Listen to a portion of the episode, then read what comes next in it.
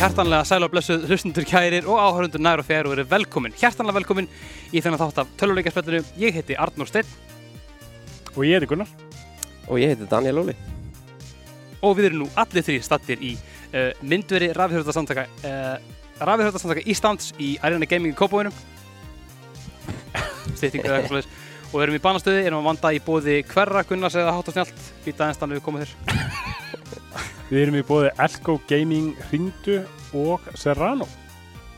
Við erum dýr, dýrindismáltíð á Serrano rétt aðan og ég er ennþá að, á blístrinu af settu. En við erum ekki einir í stúdíónu eins og kannski eh, hlustundur og áhörundur hafa eflust tekið eftir. Kondur sæl Danni, velkomin í stúdíóið. Lesaður, takk hérlega fyrir að fá mig bara. Klikar stúdíu hjá okkur. Já, takk fyrir það. Við smíðum þetta sjálfur. Já, ekki. Samt svona, for legal purposes þá gerum við það. Erum enga ábyrð á þessu. Nákvæmlega. Um, Við fengum þið í stúdíu að mörgum ástæðum uh, Danni, í fyrsta lagi að því að hérna, um, þú ert með þitt eigið podcast. Mikið rétt, mikið rétt. Það er ekki mynd. Það er til. Það er til, já. Um, Segja okkur aðeins frá þér og segja okkur aðeins af hverju, hérna, af hverju fengum við til að koma hingað Já, ég heiti sem sagt Daniel Óli. Ég er 31 árs uh, læknarnemi, Mósusbænum. Uh, ég starfa líka sem getur betur þjálfari með því. Og svo eins og komst inn á, það er ég með mitt eigið spurningahlaðvarp, hérna trefjaleganir. Og þú er nú komið þar, Arnór. Við höfum fengið þig nokkur sinnum í heimsókn. Það hefur gæst, Það hefur gerst. tíu sunnum með eitthvað Og já, ég er svona svolítið töluleikja kall og, og mikill áhuga maður um Resident Evil eða vondur íbúi, eins og ég vil kalla Hvað segir það vondur íbúi Ok, mjög gott, vondur íbúi, já. Það er um í takt við það sem við erum að gera. Við erum alltaf erum hérna til þess að þýða tölvuleiki. Vondur íbúi, ok, það er enda mjög gott. Já, ég verða, þú veist, leikurinn heitir Biohazard japanska útgáðan Ég- Þú veist, Já. gæðin sem þýtti þetta, ég veit ekki hvað hva hann var að reykja, sko Nei, nei, ekki þetta. Er engar sens. Vond, vondur íbúi. Já, Vondur íbúi. Ég fíla það. Fíla það. Já, mikið sens, mikið sens. Já, mikið er ekki sens, en, en, en, ég- en ég er til þess að. Stort Eh. fyrir leigusala Alright, alright, alright. Uh, hérna, þú ert búin að vera með þitt podcast í gangi í, hvað, eitt ár? Herri já, við vorum að verða ein, eins ás um daginn Stór áfangi Vorum með hérna svona smá ammælistátt Kom greinum okkur í morgunblæðinu og við erum ekki afalegi í gangi og svona. Reyna að gera eitthvað skemmtilegt Trace nice. Mm. Mjög næst. Það er mikið með ámalið. Takk fyrir það Ég, að, mér líður ekki eins og þessi ár síðan að ég hérna kerði í gegnum fokkin snjó og hálku til þess að eitthvað, ég, "Ó, ég þarf að mæta og ég þarf að taka, taka átt í ykkur spurningi þetta sem þannig ekki er goddammit en Upp þetta í er Mosó út í fokkin mósó sko. uh, en það hefnast virkilega vel Já, og hérna alveg virkilega gaman að sjá hérna að uh, það er alveg gaman að sjá hvað spurningar þeir eru ennþá fjölbyttar Já. en Það er bara að gera þetta í nokkur ár, hann er mega sens og Þegar maður vinnur við þetta sko Já, En-. En svo koma svona þurrk tímabil sko þá er maður, þú veist, þá er maður á Tinder farin að lesa prófælina að leita spurningaefni sko Þá veit maður maður þarf kannski svona aðeins að fara að taka pási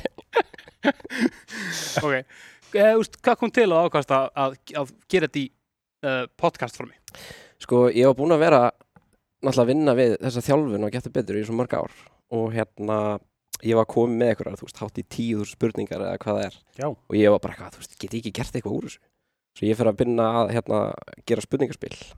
Ok. og meðan ég er að vinna í því þá vantar mér eitthvað að hlusta. Og ég fyrir að leita trivia podcastum svona spurningakeppnum og eitthvað. Ég finn ekkert sem ég fýla ekkert sem er svona nógu mikið kjöt á beinunum þú veist, Mm. góða spurningar húmor. Þú veist, og þess að eitt hlaðarpið sem ég fann það var bara, hver er höfuborg uh, Kansas og kom svarið, rámt Hva, hvað eru margir lítri í regnbúin og ég var bara, oh my god þannig að ég fór bara og bjóð til podcastið sem að mig langaði í rauninni og ég hugsaði bara ef ég býti podcast með einhverjum endalega spurningum og einhverjum húmor þá mun enginn hlusta sko. Nei, veit, veit. ég held að það er svolítið málið sko. Það, ég er nú búin að vera að hlusta svolítið á þig núna. já, búin að hlusta? Já. Og bara virkilega skemmtilegt, sko. já, takk fyrir það Bara fyrir utan þetta sem Arnar er í. Nei. Þú veist, það er það sem ég vinn eru mjög, eru mjög góður Æja, þá fer ég ekki eldgamla vondaskapið og hérna missi húmóran og svoleiðis það hefur gert einu sinni sko það var ég bara, fucking, betur að koma heim og segja kærastum minni hvað þetta var auðmjöld Við erum ekki að fara í ammalega Daniel friendship over en já, virkilega gaman að sjá að þetta er að hérna, líka bara stækka höfður og, og hérna, mælum hygglust með því Bæðis? Mælum hygglust með því að þið tjekkið á trivjalegandir á hérna, Spotify og Instagram, þar sem að Danni vinnur okkar er virkilega virkur í því að deila efni Jæja, er þetta ekki komið gott? Bara takk fyrir komin. Bara takk hérlega strókar Uh, við erum hérna til þess að ræða eins og sést á skjánum uh, Resident Evil seríuna uh, í svona margri mynd, ég veit ekki að. Mýflugmynd. Nei, ekki, ekki mýflugmynd af því að ef við varum að tala um mýflugmynd þá var myndi þetta taka svona tímyndur Ok. um, En, þú veist, hvað, þetta eru, hvað margir leikir sem er komin út? Þetta eru nýju samtals aðalserían sko Aðalserían, Já. pluss svona 20 einhverjir DLCs og eitthvað auka. Já. Þannig að er ekki mýflugmynd svona, eða passar það ekki með við Ok. magnið? hlut, hlutfærslega sé þá meikar að sensa að þetta sé í mýflugmynd ég skal, ég skal alveg, ég skal, ég skal, ég skal, viðkynna það, ok, ég sé það en byrjum aðeins á að heyra, þú veist, bara sem er spurningu og spyrjum allir gestan okkar, hvaðan, þú veist hvaðan kemur þú töluleikalega sér, hvað, veist hvað er upphafið? Og svo svona að, að því, hvað er upphafið þi- þitt hjá í Resident Evil? Ég byrja, ég er náttúrulega svolítið tíunda áratöðurinn sko og ég elst bara uppið, þú veist 90s Nintendo sko. Þú veist, Ég átti Nintendo 64, ég átti Game Boy Color það var, þú veist Ocarina of Time, Super Mario 64 Conker's Bad Fur Day, GoldenEye bara allar þessar klassikur svo var maður með, þú veist, ef maður var ekki heima þá var maður með Game Boy í vasanum og það var Pokémon leikinir og, og Zelda leikinir og allt Ok. Þannig að það var svolítið svona upphafið en, en maður spilaði líka leið, þú veist, PC og, og alls konar netleiki og allt sko Mm. svo bara, þú veist svo þegar ég er orðin svona já, ég svona að að koma á úlingsárin ég var alltaf að lesa þessi Nintendo tímarit og svona þá var ég alltaf að sjá, þú veist einhverja greinar um Resident Evil og eitthvað svoleiðis Mm. og þá var ég svona, þú veist 11 ára bara, "Hey, ég ætla bara að spila Resident Evil alveg erðana en hérna já, ég fór sérst þá að gifti minn fyrsta Resident Evil leik og hérna það var Resident Evil Zero sem er prequel leikurinn sérst, Já. gerist uh, já, Resident Evil 0 í rauninni og hérna var bara húgt alveg síðan sko. Hvað, hvað er það, svona, hvað er það sem svona mikið við þessu leiki? það er, þú veist, það er þetta survival horror aspekt, sko, veist, að, að líða eins og þú sért, þú veist, þegar ég spila horrorleiki eða ég horfa horrormyndir þá minka ég byrtuna, ég hækka hljóðið veist, ég vil experience sko. og það er þetta, að vera eitthvað í ykkur pínu litli rými ógisla mikið uppfanningum nánast engin skot í byssunni þú veist, að surviva Það, fyrir, sko, fyrir mér og eflust Arnóður líka, hljómar þetta bara svona eins og hryllilegt kvöld. Þetta var svona versta möguleg Já, veist, þegar ég sé að það er engin, engin skot í minni byssu, þá er ég bara ekki gott. Þá, ég að, þá er ég auðvitað að gera eitthvað vittlust. En þegar það er pointið með leiknum, þá er ég bara eitthvað, hvað á ég að gera? Hverju er þetta svona erfið?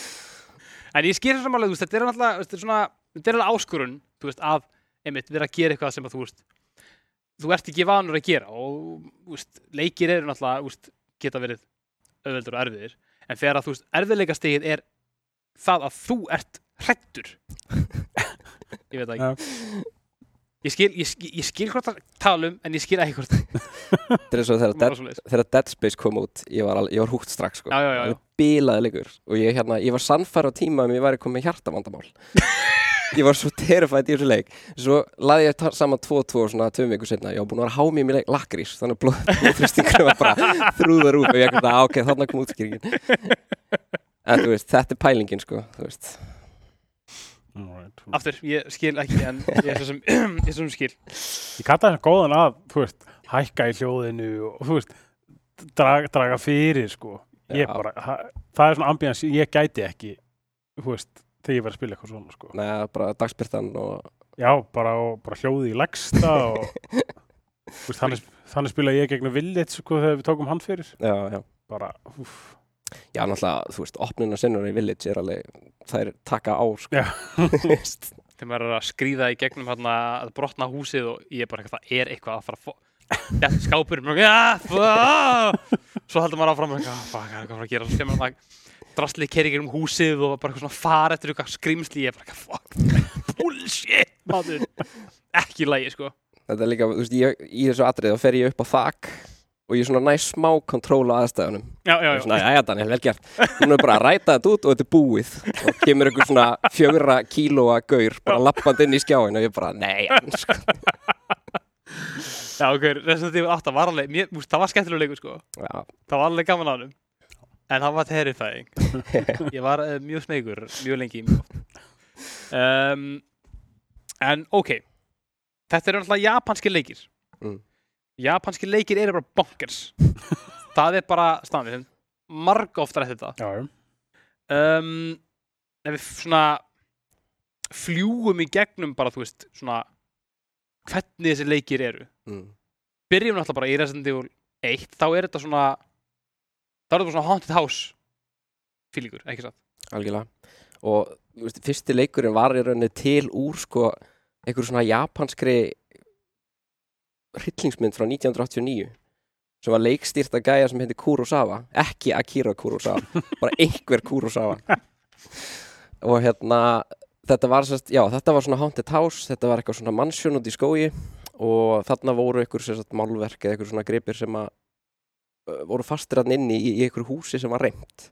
Og það var eitthvað svona hópur af fólki sem fer inn að reyna að bjarga þessum listmunum og eitthvað. Og sérst Capcom gerði leik eftir þessari mynd.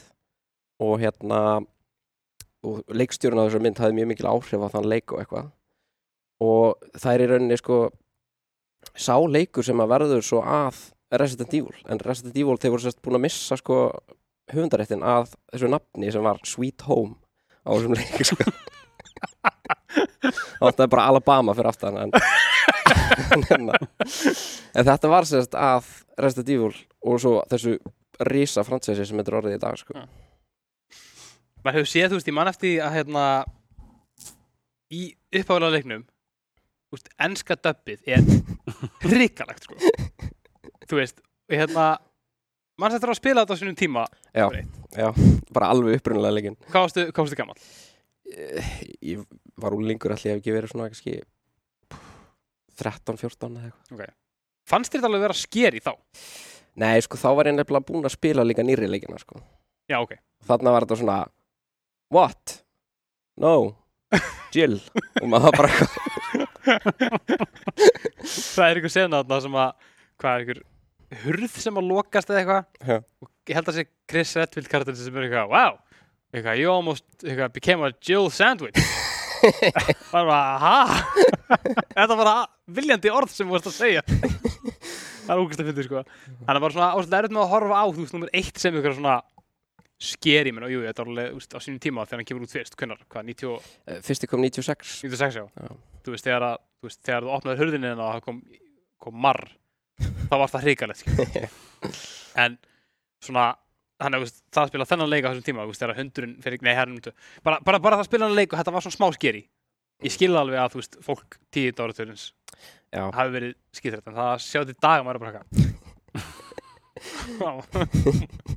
það er líka allt svo vel upplýst í fyrsta leiknum. Já, já, já, veist, Það er eins og þetta sé bara á stúdíó á, Hollywood settið Já. Það er bara flúarljós í loftinu og veist, það er ekkit unni með byrtu eða neitt sko. Það er alveg en, Þú veist, þegar leikurinn var endurgerð fyrsti, 2002 Það er í rauninni svona fyrsti leikurinn sem ég bara datt inn í sko.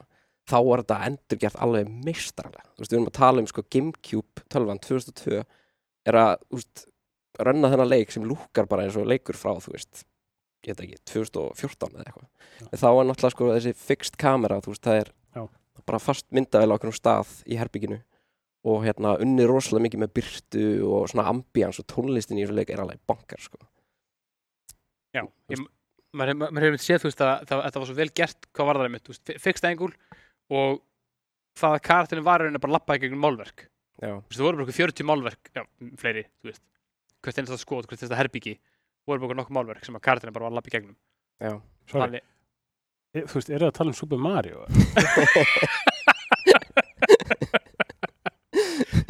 Náðu þið öllum 120 stjórnunum í valsunum nei. þetta er bara, það- sem þú veist, þetta er leikurinn, skilur við. Um, Lappi gegnum málverk. La- eh, Nei, nei, nei, nei, það byggum við hurð Ok.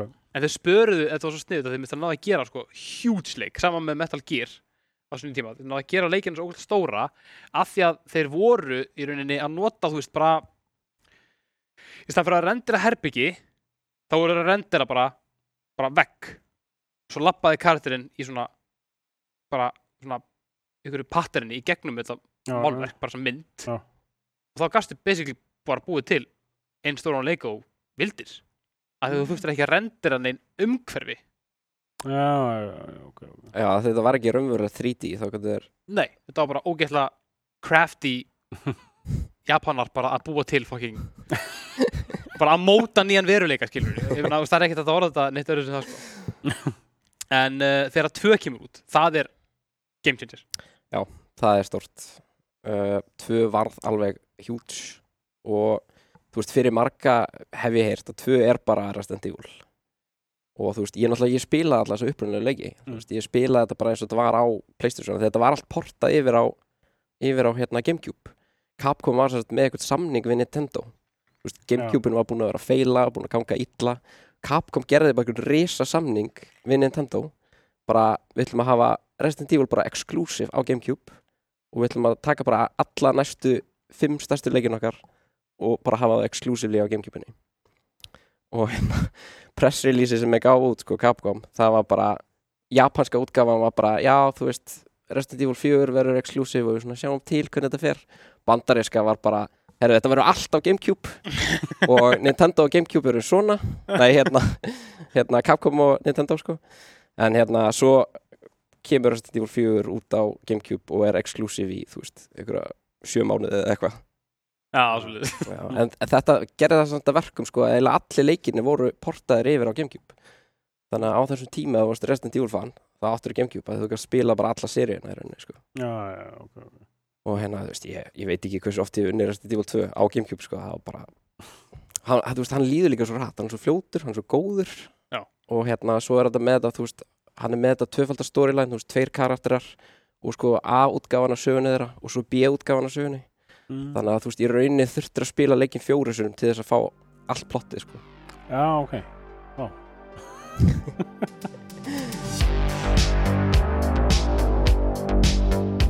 Við erum auðvitað í bóði Elko Gaming. Hjá Elko Gaming færðu þetta allt fyrir tölvuleikja spilun þína. Við erum með geggjaða leikjafartölur, frábært úlvar, geggjuð verð og auðvitað leita bortölvu, liklaborðum, músum, turnum. Færðu þetta allt hjá Elko Gaming á geggjuðu verði.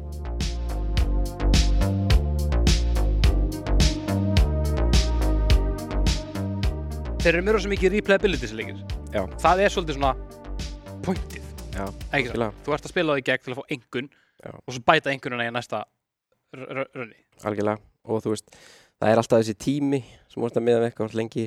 Já. svo ertu með trófís, þú veist taka fæst skref, nota ekki hérna itemboxið, nota engin healing items, þú veist þegar Resident Evil 2 var endurgerður þá tók ég sko ég, tók, ég kláraði all trófísin, bara fór platinum sko, gerði þetta allt sko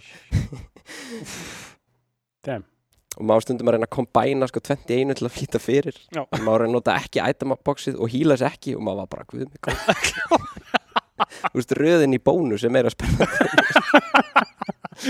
heldur hann að klára eitthvað kekka erfiðan leik og gera hann erfiðan fyrir þig? Já, og klára öll 400 trófín í leiðinni Jesus. og úst, var það þá, úst, þessi trófi það var þá eitthvað sem var úst, í leiknum var ekki, það var ekki hluti af okkur um Gamecube það var ekki Gamecube account Nei, þú veist, þetta var eins og rím, rímekið á Resident Evil- Resident Evil 2 sko.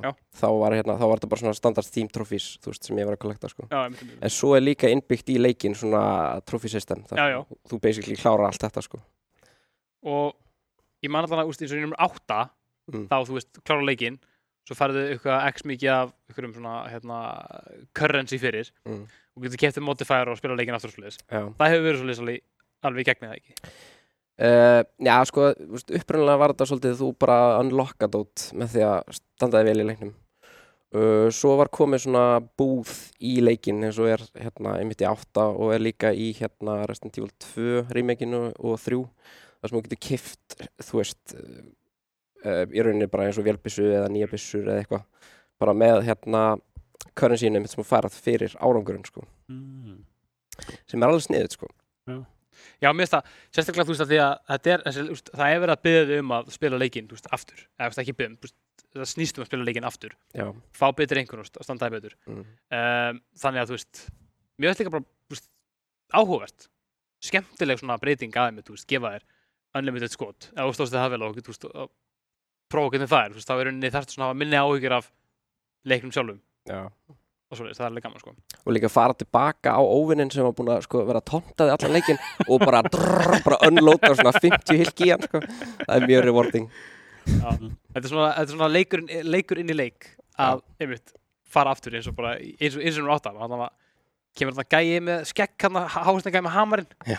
hann kemur í Já. byrjuninni og þetta er bossbalt setna sko þú getur drefið hann í byrjuninni ef þú veist nú bara Góður.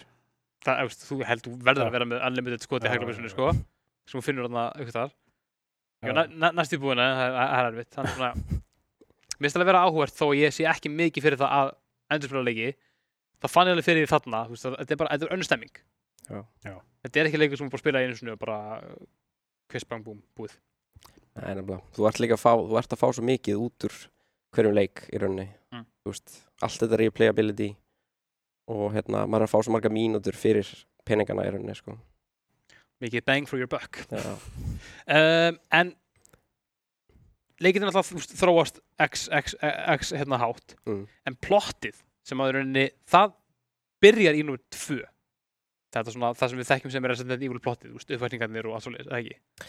Já, sko, fyrsti leikurinn er svolítið þú veist, hann er svolítið bundin við þetta þetta mansjón sem maður er í þetta reisastóra hús út í skógi og hérna maður, maður fer eiginlega ekkert þú veist, út fyrir það, þetta er bara svona maður getur ímyndað sér bara svona klassíska þú veit, 90s, 80s horrormynd Já, já. maður er bara fastur hérna, maður er að díla við eitthvað x vandamál og bara svona eðlileg plott fyrst á því.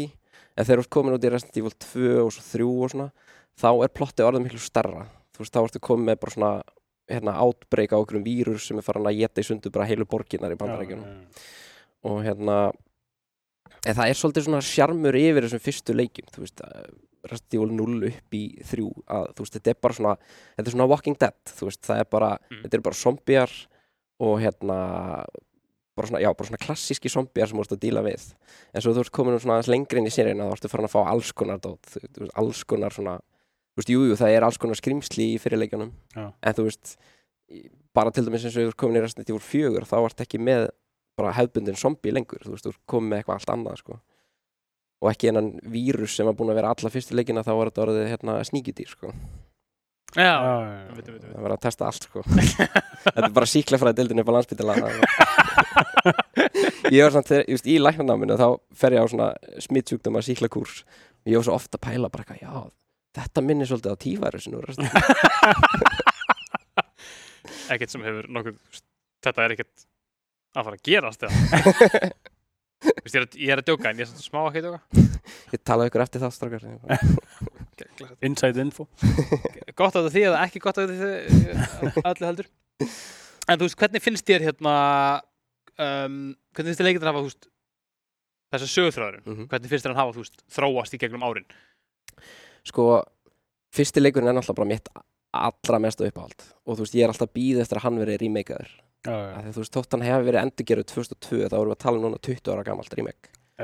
Og hérna og það er einmitt svona fixed angle kamera og eitthvað sko. Og hérna en þú veist, plottið þar er bara svo þú veist, þetta er svo basic, þetta virkar svo vel. Mm. og svo þegar þetta komið út í svona meira grand scheme komið út í heilu borginnar hérna í Resident Evil 2 og 3 svo ertu komið til Evrópu í Resident Evil 4 svo ertu komin út um allan heim og svona að þetta er, eitthvað, með- þetta er alltaf stækka skópið. Og þú veist ég er meira hrifin af þessu minna skópi. Og þess vegna finnst mér eins og þú veist, þegar ég endur gera Resident Evil 2 þá var ég alveg í skíunum en það er líka bara þú veist, einhver allra besti leikur sem ég hef spilað. Bara æfinni, bara bilaður sko.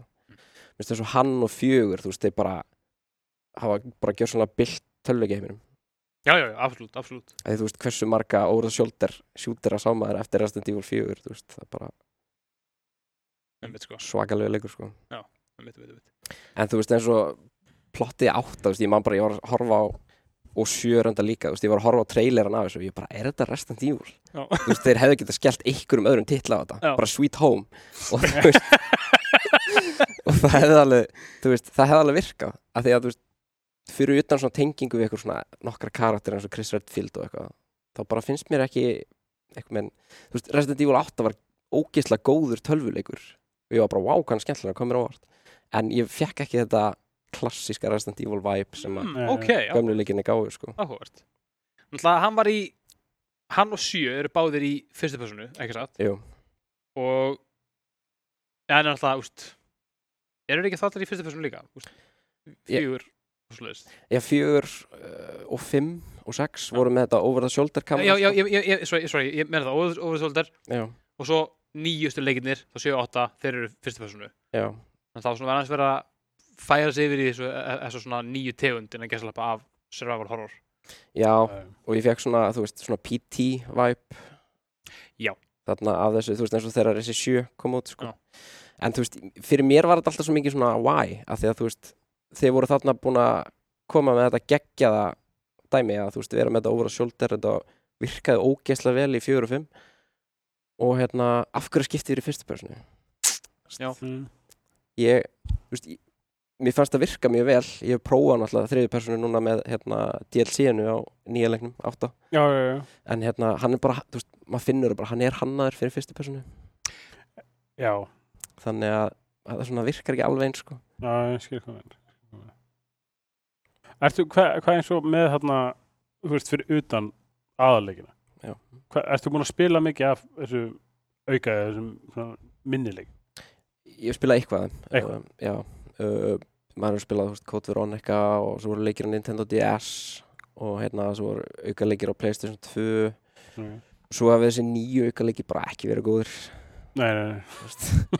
Svo spilaði maður hérna Umbrella Chronicles og V það var svona arcade shooter það, bara, maður bara why not, þú veist, bara vera með maður, ég get actually miða með fjárstrengunni ég bara njóta þess en hérna, já, ég hef ekki þú veist, þeir hafa bara aldrei gripið mig í rauninni sko. Nei, nei, ég skil. og það er þessi aðalserja sem að og þú veist þetta storyline og þú veist, þessi þetta, mér finnst þetta svo náttúrulega algjör Walking Dead maður líka sko.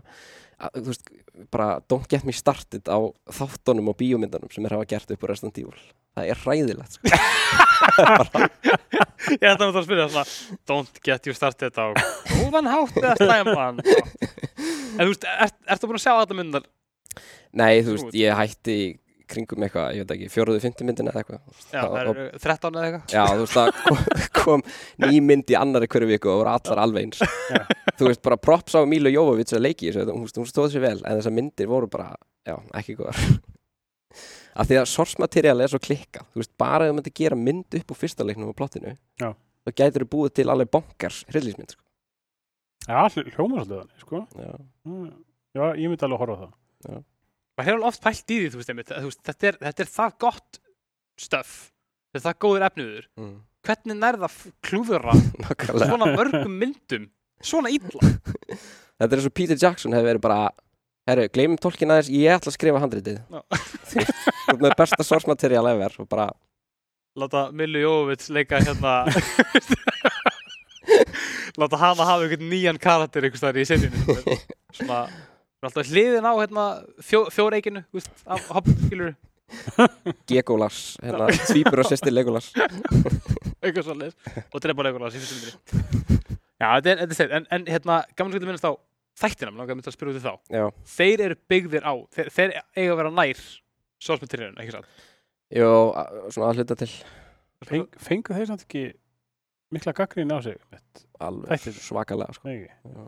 Það var líka, þú veist, þeir kom út, geðið hæp og svo bara eitthvað svona viku setna kom grein bara Netflix not reviewing Resident Evil series. Þannig að það bara já, eða þú veist, ég, ég kláraði ekki sérina ég bara, þú veist, Já, ok, Mér það er er lélegt. já, þetta Já. bara mitti mig sko. Ég sá mig, ég var ég var alveg spenntur fyrir þessu af því ég sá að þú veist að Lance Reddick hérna, leikur í þessu. Hann er hérna, fyrir þau eitthvað sem að hérna, þekkja til, hann er hérna Lieutenant Daniels í The Wire hann var líka þarna. og ég var bara eitthvað nice, þetta, þetta actually lítið vel út. Og ég var búin að lesa um, um hérna, fólki sem var baku þetta, þetta svona þetta leit alveg út fyrir að vera bara ágætlega legit hérna, svona útgáfa af sögunni. Mm.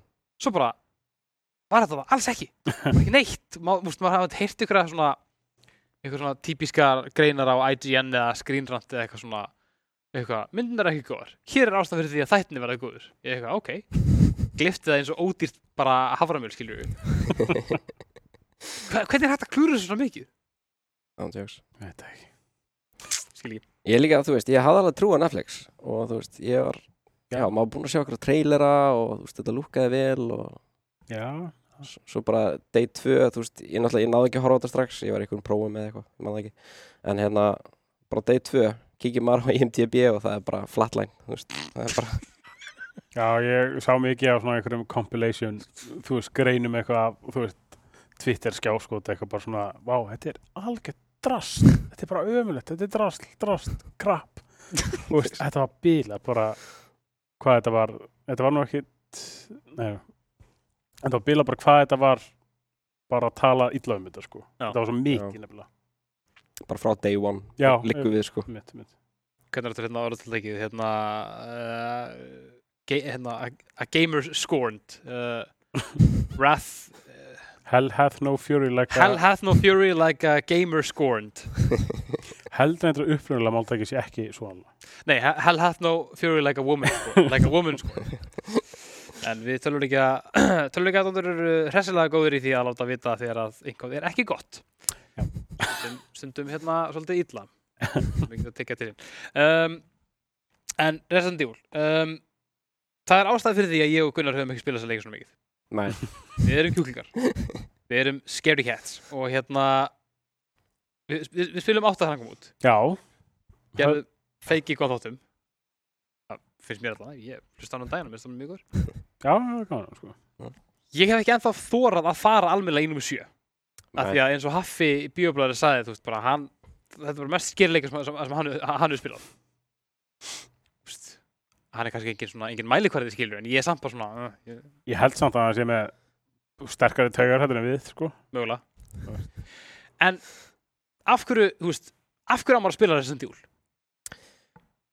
sko, bara í rauninni, þú veist, gæðin sem þú ert að fá, myndi ég segja, þú veist, á þessum leikjum eru alveg bara þrúður úf, sko, og þú veist, líka bara storyline, þú veist, mér finnst það bara gegja, þú veist, og sérstaklega bara að þú ert, þú veist, þú fílar zombies og survival horror og eitthvað svona, gjörsanlega kíkja á þetta, og þú veist, ef ég var að mæla með þessu, þá myndi ég benda fólki á að spila remake af nummer 2 Ok, bara byrja þar, þú veist, örli leikur ógeðslega góður, veist, enda hann fekk líka bara rugglaður einhvernir þegar hann kom út, sko. Og hérna, þú færð svo mikið þetta, þetta survival horror aspekt þar, þú veist, inn á þessu pingu litlu lörglustöð og það er zombier út um allt, þú veist, að frík út, það er ógeðslega lélega byrta allstaðar, þú veist, þú sérð illa, þú er fáa byssukúlur, Arnur er farin að svitna. Ég er ekki góð sko. Og þú veist það er, þú veist, það er gaur í þessum leik. Ég ætla nú ekki að spoila of mikið sko, en það er gaur í þessum leik sem að bara hættir ekki að elta þig. Já, þú veist. Og hérna, þú heyrir hann þram um alla lögreglustöðuna Já. og ég með svo að horfa á vídeo af því það var einhver sem að, þú veist, moddaði leikinn til að geta fylst með hvernig þessi karakter hæðaði sér offscreen sko, Já, ok. þú veist, þetta er ekkert bara eitthvað prógram, hann er bara að lappum lögreglustöðuna að leita þér sko Ah, og þú veist, í svona í svona hálft ára eftir þessi leikur kom út var ég svo triggert alltaf þegar ég heyrði fótatak ég var bara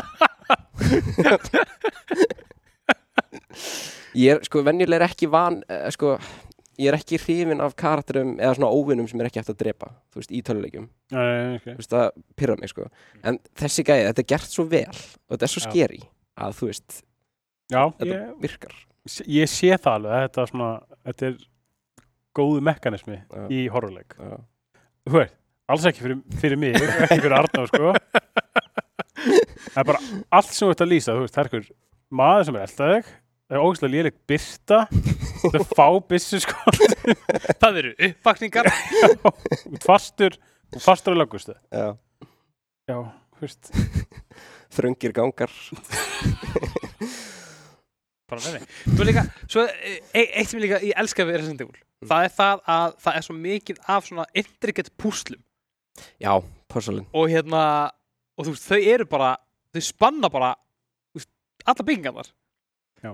og hérna náttúrulega nummer eitt, fyrsti leikurinn, Mm. það er náttúrulega bara, þú veist eins og segir, bara svona mannsjón sem er bara eitt stort púsl. Já. Bara, það eru liklar, hérna, litaði liklar sem ganga bara að einhverjum ákveð, ákveðnum skrám. Mm. Það eru ykkur, hérna, kassa sem passa bara ákveðna staði til þess að opna ykkur göng niður, þú veist, þetta er bara svona, ha, það meika engan sens, en þetta er fyndið og alveg svona, ég, ég elska púsl, þannig að þetta er alveg, veist, gaman að, að svona, fikta þessi í gegnum þetta.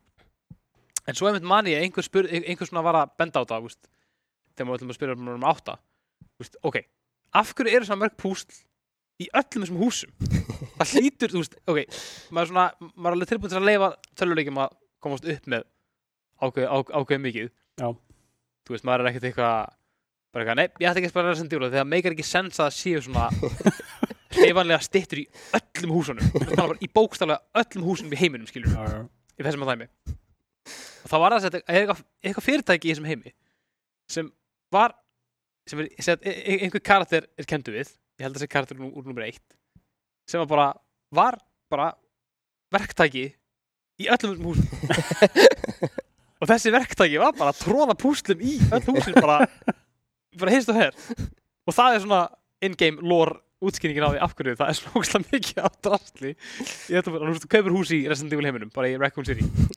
Bara eitthvað, ja, og bara eitthvað, ah, fuck, ég þarf að finna fjólubróð líkill Hurðarhúnin er Rubik's kubur eitthvað svoleiðis. Þú veist, það er svo ógslag, þetta er svo þetta er svo, þetta er svo bonkers, þetta er svo japansk þetta er svo fyndið Þeir voru líka sko, í fyrsta leiknum var þetta bara útskýringi var sko, já, gæjan sem byggði þetta mannsjón var úrslega nójaður og hann vildi hafa já, svona já, já púsl ein- á öllu já. og svona escape routes og eitthvað. Svo í öðru leiknum var þetta, já, herðu, lauruglustöðin var hérna listasafn áður sem var byggða gæja sem var með eitthvað svona hugmyndir um svona púsl og eitthvað. Svo í þriðja leiknum var þetta bara, fuck it, hérna er Sudoku, bara listu það. Og eftir það var maður bara svona, já, já, þá er þetta bara svona já, þú veist, meira sko, þú veist, meira svo kirkjugarinn í Resident Evil 4 var með einhverju púsli, þú veist, það er ekkert heila sko. já, einmitt, já, ég, ég held einmitt útskýrin e- e- einmitt, einmitt þetta, ég var búin að glemma því að hérna, lauruglustin hafi verið fucking listasafn og svona. Já, já, whatever. Að, einmitt, eftir það, þá var bara, já, já, fuck it. Gæinn sem að, hérna, úst, saman fyrirtæki á hann á húsi og gæinum í fyrsta leiknum, það var bara út um allt. Já. þeir bara, æ, fuck it, setjum bara gerum bara, gerum við svo, hérna, klikkaði nóðið að kallin gerði. Gerum fleiri púsli. Bara einhvers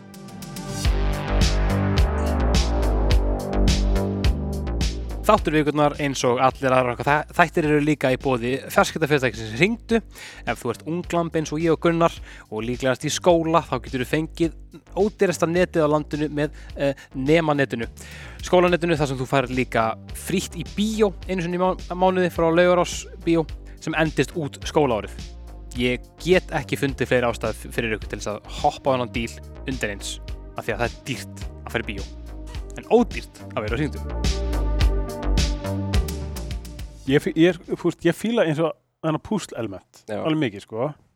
Þannig ég meika eða ekki er þessi svona stress element sem fylgir því? Já, eins og í hérna í, nú átt það út í hérna út í húsinu hérna það sem brúðan er eða nei hérna, já, já, já, ég veit ekki. Þannig að dúkkuhúsið. Já, fuck that shit. Það var ógeðlegt þú veist, eins og maður líka vel ef maður maður var að fara svona gett mikið upp og niður alltaf og svo var hérna ógeðslega batnið sem var að Já, í kjallaranum, já, kjallanum það var mest upp sko. Það var ógeðlegt þú veist, ég ég meika ekki svona auka stressfaktor eitthvað, ég er eitthvað, hm, hvernig á ég að leysa úr þessu, svo heyrist eitthvað eitthvað mig. Þú veist. Þú veist God of War, hann með púsl. Nei sko, nú, nú, er þetta- nú, er þetta bleiki sko sem eru púsli sem eru ekki skeri sko, gott fór Nei, ég, ég, bara, ég, ég erft bara með að hugsa svona þegar ég er með þennan auka svona stressfaktor. Maður er líka ekkert forritaði fyrir þetta, veist. Maður, maður er í grunnskóla á starffræðiprófi, það er enginn fyrir aftan. Og leiður mér að klára dæmið svo díla yfir því Ok, já. Það er fucking mjög góð punktu það væri mjög fyndir svona element út í, út í prófi og, já, krakkar, 50 mínútur þangur til ljóta skrimti, borða þetta Nú nú þurfa að fallbeða all orðin og tundin í hérna, já, er þetta, er þetta staðlari, st- stuðlarím, hvað er þetta? Segðu mér það núna. Má ég fara að klóstið? Nei, líkt og í lífinu þá er enga klóstipásur Já, getur farið fram og tímasettir rétt hvenær skrimslega er að labba framhjá þá getur þú gert það, en það er ekkert mér að kenna að skrimslega ekki verið í þetta, skilur Resident Evil heimur, ég uh, Þetta er náttúrulega mismönda leikir. Það eru, það eru, þú veist, það er Haunted House það er þessi svona einmitt hérna, innulókuðu hryllingsleikir. Uh, og það eru þriðju personu bara skotleikir. Um, það voru tveir leikir sem voru svona ákveðið svona eh, voru svolítið svona umdeldir fjögur og sex. Mm. fjögur náttúrulega var fyrsta leikurinn á síðan tíma sem var breyttist úr að vera svona fixed angle Já. yfir í að vera, þú veist, hérna já, bara þriðpersonu skotleikur. Og svo sex var mjög óvinsæll líka af nokkrum ástæðum Já. hvað svona hvað finnst, hvað, hvað finnst þér þegar þú varst að spila þetta leiki fyrst Sko, Resident Evil 4 var rosalega mikið bara risk fyrir Capcom, þú veist. Já. Þeir eru að taka þarna ógísla prúven formúlu og flegin á kollin. Já, Og þú veist, þeir eru að taka leiki sem gerast alltaf í myrkri og voru svona creepy í litlum rýmum, terrifying. Og þeir eru að fara yfir í spán, bara um hábjörnsna dag. Já. Og þú veist, þetta er bara allt annað dæmi. Og hérna, þetta bara, þetta var bara mestrarverk sem var úr. Af því að þessi leikur er bara bílaður, sko. En svo náttúrulega, sko, sex var náttúrulega bara hrikalega bara lélugur töluleikur og þú veist, og þar voru þeir einmitt að reyna að prófa eitthvað nýtt og það var að splitta upp sögunum og hafa fleiri spilanlega karaktera og eitthvað og bara, já, já. bara virkaði ekki. En svo varstu komin yfir eins og, eins og í Resident Evil 5 og, og þú veist, þá varstu komin meir út í sko Steven Seagal myndina. þú veist, það var, þú veist, loka atriðið í leiknum og loka endakallin, þá varstu inn í eldfjallið sem er í gangi og það er svona risastór steinn sem þú þarfst að íta ofan í hraunið til þess að geta hoppað yfir hann. Ok, hann reynir að íta virkar ekki hann byrjar að kýla steinin, við erum að tala með þetta er svona 20 tonna stein, hann næra að kýla Chris Redfield, næra að kýla steinin onni í lafað og þá var ég eitthvað svona gáttu ekki sleppt þessari sen en 5 hafði eitthvað samt sem enginn af hinu leikunum hafði og það er að hann er co-op. Já. og þú getur spilað heilan geggjaðan Resident Evil leik með vinniðinum og bara þú veist, þú, þetta er ókslega langur leikur ókslega góður, ógeðslega skemmtilegur. Og þú veist, ég veit ekki hvað ég spilaði hann oft. Og þú veist, ég spilaði hann með kærastunum minni ég spilaði hann með vinum mínum, ég spilaði hann með þú veist, frændsískinum mínum, þú veist, bara allir sem ég spilaði hann að leik með, bara dyrkaðan og þú veist, ég bara, ég skil ekki akkur þegar hafa aldrei farið í þessa formúlu aftur? Nei, sko, kannski eitthvað hrættir bara. já, menn hitt hefur virkað alveg í allir sár hann, já, Já, já, eitthvað sluðis Ok. Um, Hvaða leikir myndir þú segja að séu svona þínur uppáhalds? í seríunni? Þú Svona, úst, þá típan, skilur við Ég, over the shoulder leikinir bara, eru bara svona, það er bread and butter fyrir mér sko. Uh, Resident Evil 2 remakeið og Resident Evil 4, hann náttúrulega vera remakeaði núna bara í vor. Já, já, já. og þú veist, ég hef rosalega high hopes fyrir hann. Og ég er að vona að þið gerir það sem þið gerðu með 2, bara, þú veist, vera trúr leiknum, bara endur gera hann. Ekki gera það sem þið gerðu í Resident Evil 3 remakeinu, það sem þeir fóru yfir í, þú veist, þetta action shooter dæmi og breyttu leiknum bara algjörlega. Já, já, já. Þú veist, þannig að já, en það er í rauninni, það er Resident Evil, sko, eitt er náttúrulega bara all time uppáhaldið mitt, hann er samt fixed kamera, sko, Mm. en það er líka bara svona nostalgían á bakvið það, sko, en annars er það, þú veist, 2 og 4 í rauninni, sko, og 5 náttúrulega bara út af co-op aspektinu, sko, en þú veist, eins og Resident Evil 7 mun ég bara aldrei fíla. Og ekki 6 heldur, Hvað er það við nú sjö sem þú fylgir ekki? það er bara, þetta var eitthvað þú veist, þetta var svo mikið bara flip á hliðin eitthvað meginn, þú veist, mér leið aldrei eins og ég var að spila Resident Evil, ekki, jú, það kom svona augnablík þar sem Birta var svona creepy og það, ég, veist, ég var í ykkur litlu rými og ég fekk þetta vibe, en þú veist, óvinnirni voru svo einhæfir og boring eitthvað meginn og þú veist, þetta að vera komin í fyrstu persónu allt í hennu var, þú veist, augnboltiðin farin að snerta textjúruna á veggjónum þú veist, þannig að þetta leit betur út þegar það var lengri í burtu. Þú veist, þetta voru alls konar bara svona hlutir þú veist, jú, þetta var skemmtilegu leikur en hann var bara ekki fyrir mig eitthvað meginn, sko, Var ekki Resident Evil. nei, leikur, þú veist, ég, einhver hefði geta gefið mér hennar leik og hann hefði heitið Sweet Home og ég hefði bara alveg kipta, sko bara það var svo lítið við hennar leik fannst mér sem var Resident Evil, sko Var það sama með raun átta. Village. já, en ég fekk aðeins meira Resident Evil vibe þar, sko ég veit ekki Já. hvað það var, hvort það var bara eitthvað með ambiansið eða eitthvað, sko Ok, ok. Getur þú útskýr eitt fyrir mér? Hann, heiti, hann heitir eitthvað Ethan Winters, eða ekki? Mm. Af hverju getur hann aftur af hverju getur hendi farið á honum og hann sett hann aftur á? Hann er sagt með þennan svepp eða þetta dót sem hann fekk Já, já. hérna í sjöndalegnum Já, og hérna ég var mitt fyrst bara eitthvað svona veist, þegar ég sá þá cutscene, eða þú veist það cutscene þá var ég bara, já, sorry, já, auðvitað. Þetta passar ekki alveg það sem ég er búin að vera að læra undanfærið og svo hella einhverju spritti yfir og allt er góð Þetta er alveg, þessi sena Það sem að hann, þú veist, mér sagði ég bara What, leikurinn er nýbyrjar, ég þarf þess að hendi. Það er ágætlega krúsjál hluti að leiknum held ég. Eitthvað, hann eitthvað, setja hann á eitthvað, ah, Hellir á og svo svona Já, nei Fuck you, maður. Hún er líka sko först á svona handfangi og hann svona tekur hana af bara, setur hana á og svona skrúar hana þess á og svo svona hellir yfir sprittinu eða hvað þetta er og svona, já, herru, hún virkar, ok. Já, bara, nei, nei Ég, ég gútið það ekki, svona það held ykkur áfram og svona, ok, þetta Þetta er bara svona, fuck it, ok, whatever, ég til í það. Var ekki líka eitthvað hérna þegar hún hann að Dimitresk nær honum og þú veist, þú veist hann ekki upp á eitthvað, hann rýfur hendir á sér nýður bara á, það ekki? Jú. Hann og risti sig upp. húkar hann á svona öngla bara Já, og hann bara, ah, þú veist, ég held að það sjáist bara svona tveir puttar á honum eða eitthvað, hann bara, ah, já, það var líka í hérna, ég áttaði mitt í bara opnuna sinni, þannig að það varst inn í þorpinu Já. og úlfarnir ráðast að því þá er mitt bara bitið hérna af tveir putt Já. og hann bara, Já, Já, auðvitað, hey, bara bara sár, það sárabindi og spritt og var góður sko Þetta hefur þú lært í hérna bráða, bráða, Skulum ekki, ekki, ekki nota hérna Resident Evil sem hérna eitthvað svona gætur það. um, það er ákveðin karakter sem ég hef tekið eftir, eða úst, karakter, það er með svona enginni sem er í gegnum leikina. Það er það, þetta er svona, þetta er, þetta er, þetta er rosalega japanst. Já.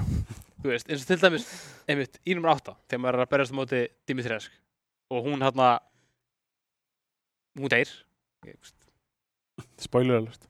þetta er langur leikur, ég veit ekki og hún er svona eitthvað að deyja skiljur og hún grandast og hann svona býður ekki eitthvað lengi.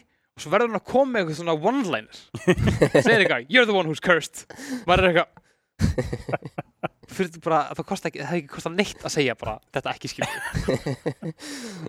er það, er, úst, hvað, úst er þetta eitthvað sem, sem, þú tekur eftir? Það er svona, er, er svona einhver japanskur sjarmi við þetta eitthvað? Já, það, það, það er alveg svona moment í leikjónu sko, ég man eftir einu þú veist, í Evil 3 og eitthvað svona, það er smá John McClane í karakterunum sko. Við fáum alltaf síðasta orðið. Já. ekki þið fríkarna sem er að reyna að geta mig. Það er svolítið væp sko. Yippee-ki-yay, motherfucker. en svo, ég veit hvað ég með það fyrir cool. Já, you're the one who's cursed, en ekki cool nei, ok. Svona helsti munur Já, Ethan Winters er ekkert rosalega orðheppin heldur að nei, Nei. Hann segir ekkert eitthvað neitt rosalega. Hann er ekkert sherry. Nei, það er líka eitt sem er svolítið merkilegt með þegar þú fórst yfir í fyrstu personu þú mistir rosalega mikið svona tengingu við karakterinn Var það ekki eitthvað svona tilraun hjá, hjá Capcom svolítið til þess að svona til þess að spilarna getur svona sett sér meira í spór í rauninni persónunar Þú veist, það er eins og sérðan ekki. Jú, það er líka miklu meira immersive og skeri þegar þú ert komin í fyrstu personu sko. Já, já, en, en það kom svolítið á kostnað þess að ég tengi ekkert við Ethan Winters. Þú veist, Nei. ég vissi ekki einu svona hvernig það leit út sko, fyrir að maður sá þriði personu DLC-ið sko, á leiknum. En hérna en þú veist, ég hef heyrt þetta líka frá fleirum sem hafa spilað þennan leik að þú veist, 7 og 8 að hérna, að þeir mistu þetta svolítið að því að þú veist, maður, maður connecta svo mikið við eitthvað með karakterina og söguna þeirra og, og þeir segja miklu meira fannst manni karakterina í hinuleikunum sko. já ég- ég, ætla, ég man alltaf þegar við vorum að spila spila Village, hvað bara svona hann hann sagði nánast þegar ekki neitt sko. Þú veist, ég held að The Duke hafi sagt meira í öllu leiknum sko. það er, það er annað sem, annað sem til þess að hérna, spyrja út í uh, það er búið svo, voru svo mikið hérna, svona margir mismunandi svona búðar eigendur já, ve þú vendors veist, vendur og þau, þau eru alltaf eitthvað geðu veist, það er það djúk í hérna nummer 8 svo sá ég núna, náttúrulega það verið aðeins nummer 4 Mhm. þar er ykkur líka mjög crazy Já, já. Hello there, stranger. Vesti fullt séti Ég það er að gegja sko. Hvað þú veist, hérna, hver er svona þinn uppáhalds af þessum? definitely hann úr Resident Evil 4 sko. Það er bara, þú veist creepinessið og Já. þú veist, hann er með, hann er með skikkjuna svona upp eins og keisarinn og Star Wars og svo er hann með vesti bara fullt af snikkar sko, dótið, þú veist, bara geggja gæði sko Duke hefur svona sjarma, hann er svona há 40% Já. svona dead bot en hérna, það er definitely fjögur fyrir mig sko, merchandið þar Ok. Það, er svo margt, það er svo margt sem er svona skemmtilega aðlaðandi við þessa leiki. Já, Mikið af svona skemmtilegum svona persónu einkennum sem að þeir hafa, þú veist. Klikkusaga. Klikkaði fucking merchants, þú veist bara, að, ég veit ekki, á, af hverju hefur maður ekki demt sér í þetta hvernig áður? Ég veit það ekki. mælir með, bara skella sig í Resi 2 Já. og bara byrja og preppa fyrir Resi 4 sem er að koma í vor Við tökum hann. Hygglust, það ekki dvæl. er betri byrta í honum Hann gerist úti. já, það er opnar rými sko það- Já, ok. Já, ég, þú veist, viljið var nú ekkert, jú, það var kannski, það var hérna, uh, það var mannsjónið hérna, kallarinn og það. já, kastalinn og Já. það já. Ja, kastalinn var svo, hann var svo sem ekkert eitthvað dimmur. Það var svona, svolítið svona breg, bregðaðri kannski smá meira. já. Allt í einu, maður er að labba út um hurð, þá kemur hún hann að Dimitresk og hvert í fokkanum ert þú að fara, eitthvað. Það var svona kallarinn sem var svona aðeins dimmari hann. já, já, þú fer niður í það er svona vínkjallari Já, Já, og, það, og það er vín allstar að gólfinu og lítur út eins og blóð og já, já. batnið hann. Ekki lægi, sko. Nei. Ég er líka, þú veist, það, það er, þarna nokk- úst, það voru nokkra senur í nummer, hérna, nummer 8 það sem að, þú veist, ég tala alveg um þetta í þettinum, hann er að, þú veist, hérna, bara, í fiskið sem að kemur, hérna, eftir að sýsturnar eru búin að kom, koma og örgli manni fyrst, Mm. og hérna, maður er að fara inn í, hérna, stóra rýmið með steganum upp, svona, já, í kastalunum. í kastalunum, Já. hvort það heitir foyer, ég veit það ekki, en það er svona eitthvað fancy, fancy herbyggi og maður er eitthvað svona, ok, ég, ok, ég er góður. Ég ætla að setja- svona, ok, ég er góður. Það er enginn en það, ok, ég ætla upp stegan fyrir upp stegan og kemur einn sýstirinn svona hingað og segir svona bú. Og fucking Christ hvað ég, ég, ég veist, gargaði kastaði fyrstungunni, hljópinni inn, inn að bað loka á læstiskim, bara þetta var erfitt að lenda í þessu. Og bara mér langaði ekki til þess að lenda í hennu svona aftur. Mér brá svo fokki mikið. Og það er bara svona aaaah, veist. Fyrst þegar ég spilaði hana gabla þá náttúrulega vissi ég ekkert hvað ég er að fara að gera. Og hérna þá kemur hérna sýstirinn og ég endaði að hlaupa múti eitthvað eitthvað algjöran botlanga Já. kemst ekki neitt, allar hurði læstar slími við og hún er að koma og ég bara nei! Bara klára byssun í hana. Deg og ég bara ok, ég ætla að taka mig pási já, það glemist að hún er ótrefandi Já, já. já, á þessum stjórnmundum Þáttur vikunar og kvöldmöndurum minn er líka í bóði veitingastæðarins Serrano þar sem þú getur fengið þér frábæran, bragðgóðan og vel útiláttinn skyndibita á frábæru verði. Þú getur fengið þér burrito, þú getur fengið quesadilla, þú getur fengið þér salat og þú getur fengið þér líka lítil taco. Þetta er gott, þetta er pressandi, jú, jú, fuck it, ég ætla að segja það. Þetta er fresh, þetta er happy og þetta er mex.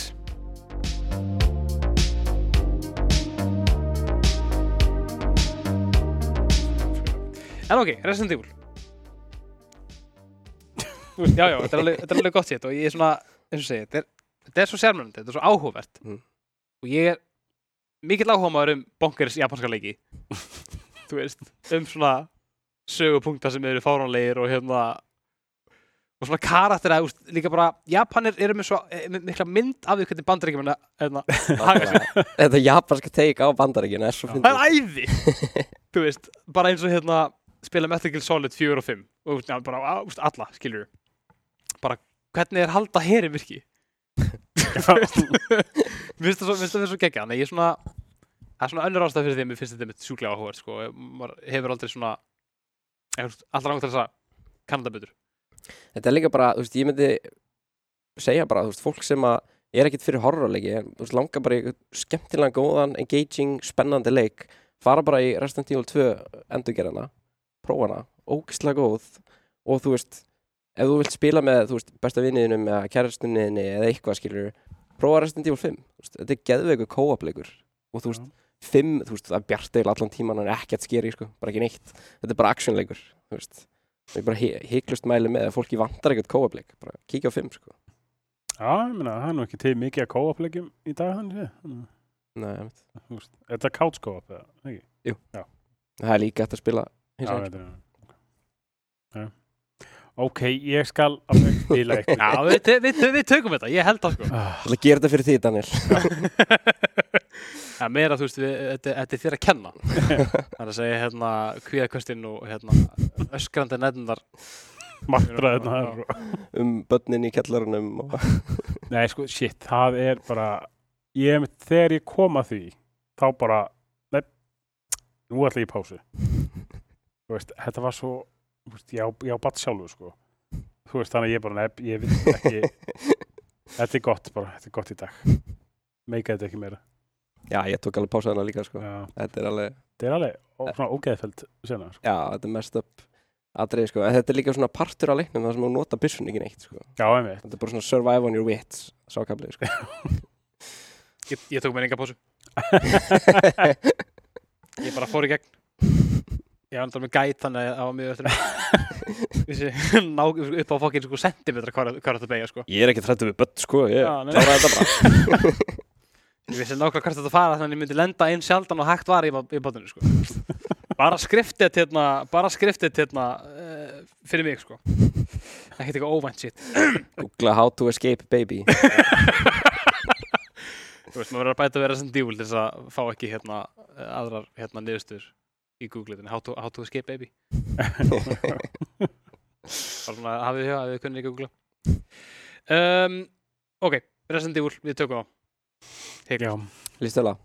Að ekki?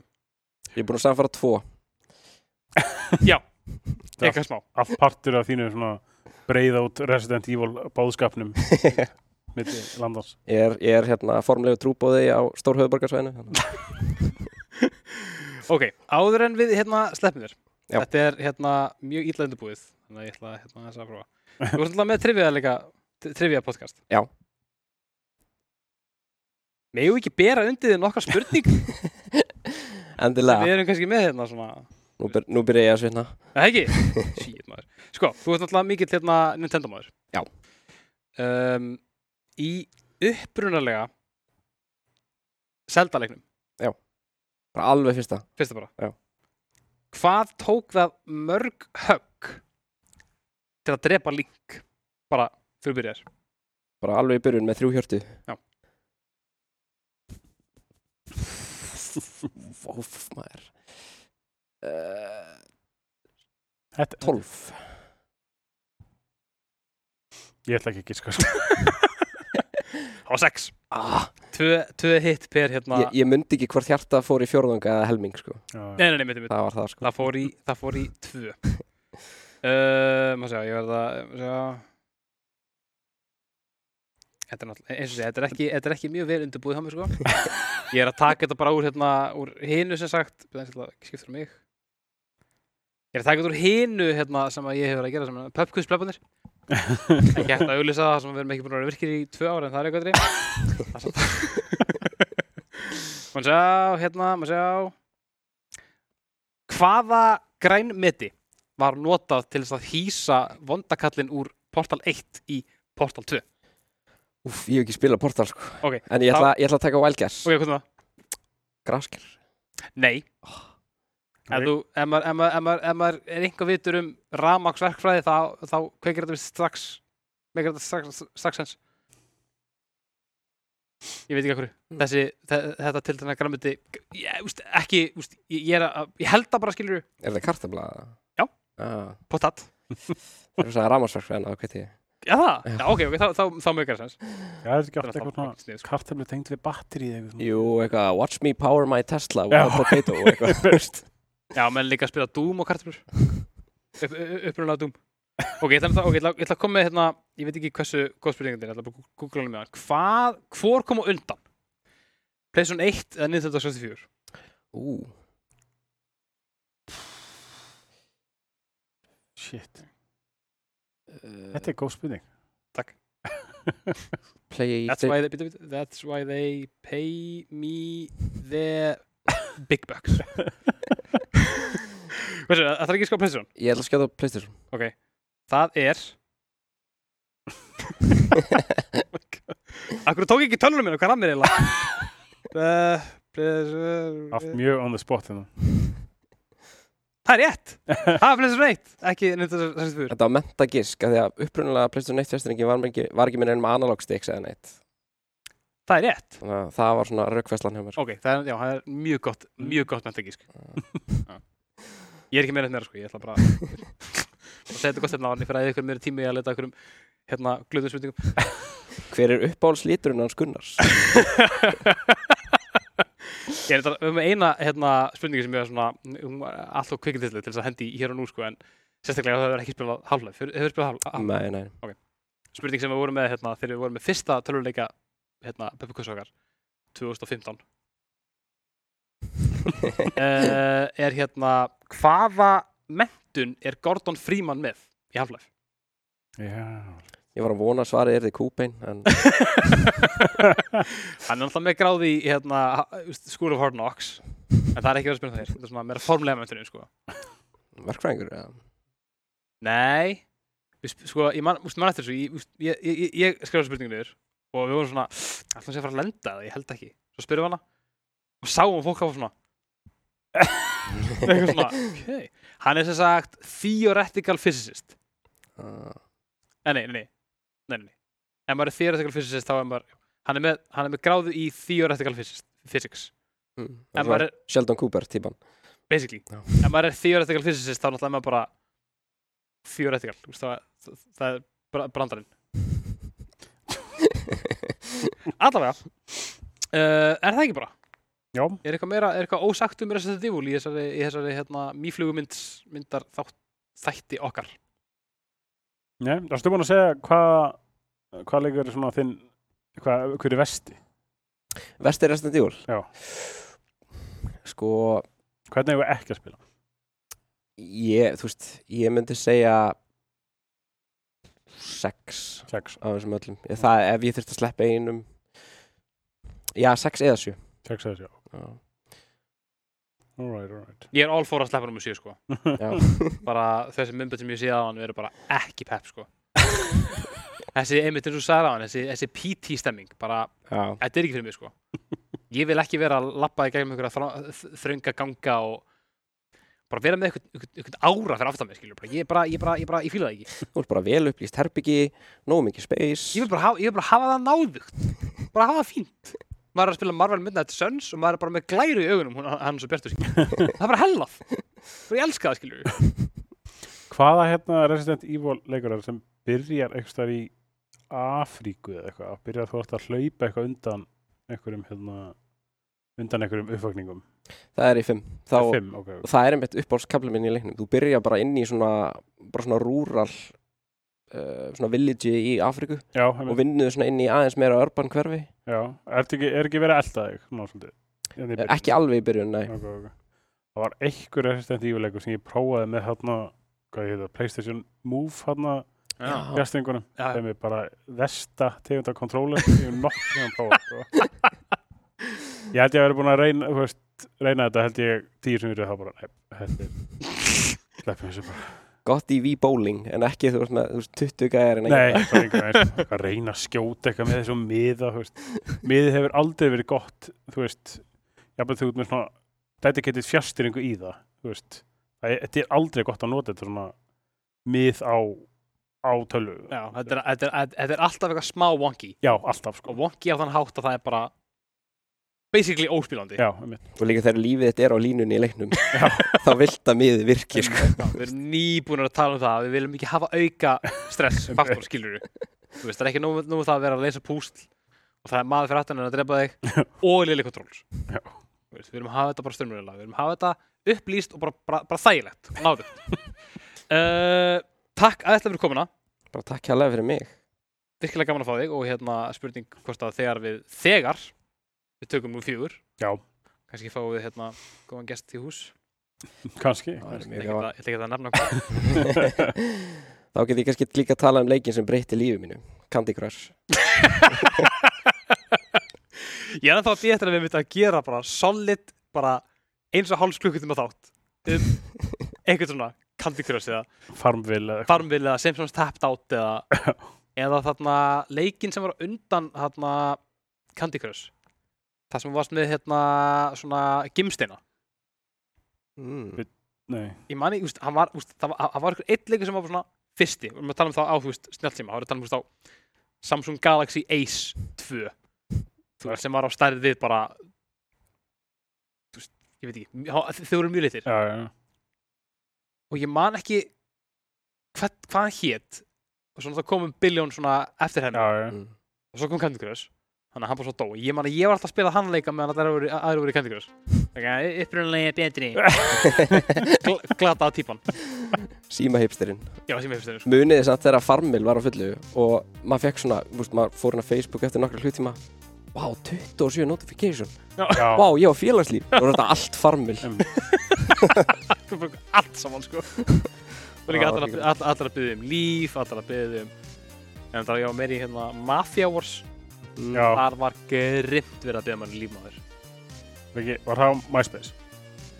Facebook Ok, Það var ekki, það voru ekki fullt af svona á MySpace líka Það var eitthvað mob, Mobster Wars og eitthvað svona já já já já, já. Allir, allir svona sem þetta er að býða í 16 tíma þannig að þú var búin að klára eitthvað bankarán eða eitthvað. Ég man að ég byrjaði bara ég bjóð bara til nýjan Facebook account þegar að ég auðvitað. ég, ég klúraði ykkur í Wars og ég bara, "Herri, ég er bara harfið um nýtt það er bara hægt að næða stöðin heldur en að bara búið til nýjan account og bara, þú veist, bara, bara fresh start. Nýr associate í hérna glæpaheimum um, takk fyrir að hlusta hlustundu kærir og áhörundur uh, haldið áfram að vera frábær og senda okkur skilabóð og hérna endilega haldið áfram að uh, gerast áskrifundur á YouTube-brásun okkar og gefið þeim þennan hérna. Ég er að reyna að segja ekki like, and, like comment and, and subscribe. Þó ég hérna var að því núna. Uh, aftur, takk alveg kjærlega fyrir hérna komuna. Við ætlum að fara að spila Resident Evil. Já, ok. Svona svo gott sem. Á næstunni. En þangað til þá uh, sjáumst við næst. Til að gefa ykkur tækja fyrir þess að segja bless Takk fyrir okkur. Takk fyrir okkur, takk fyrir mig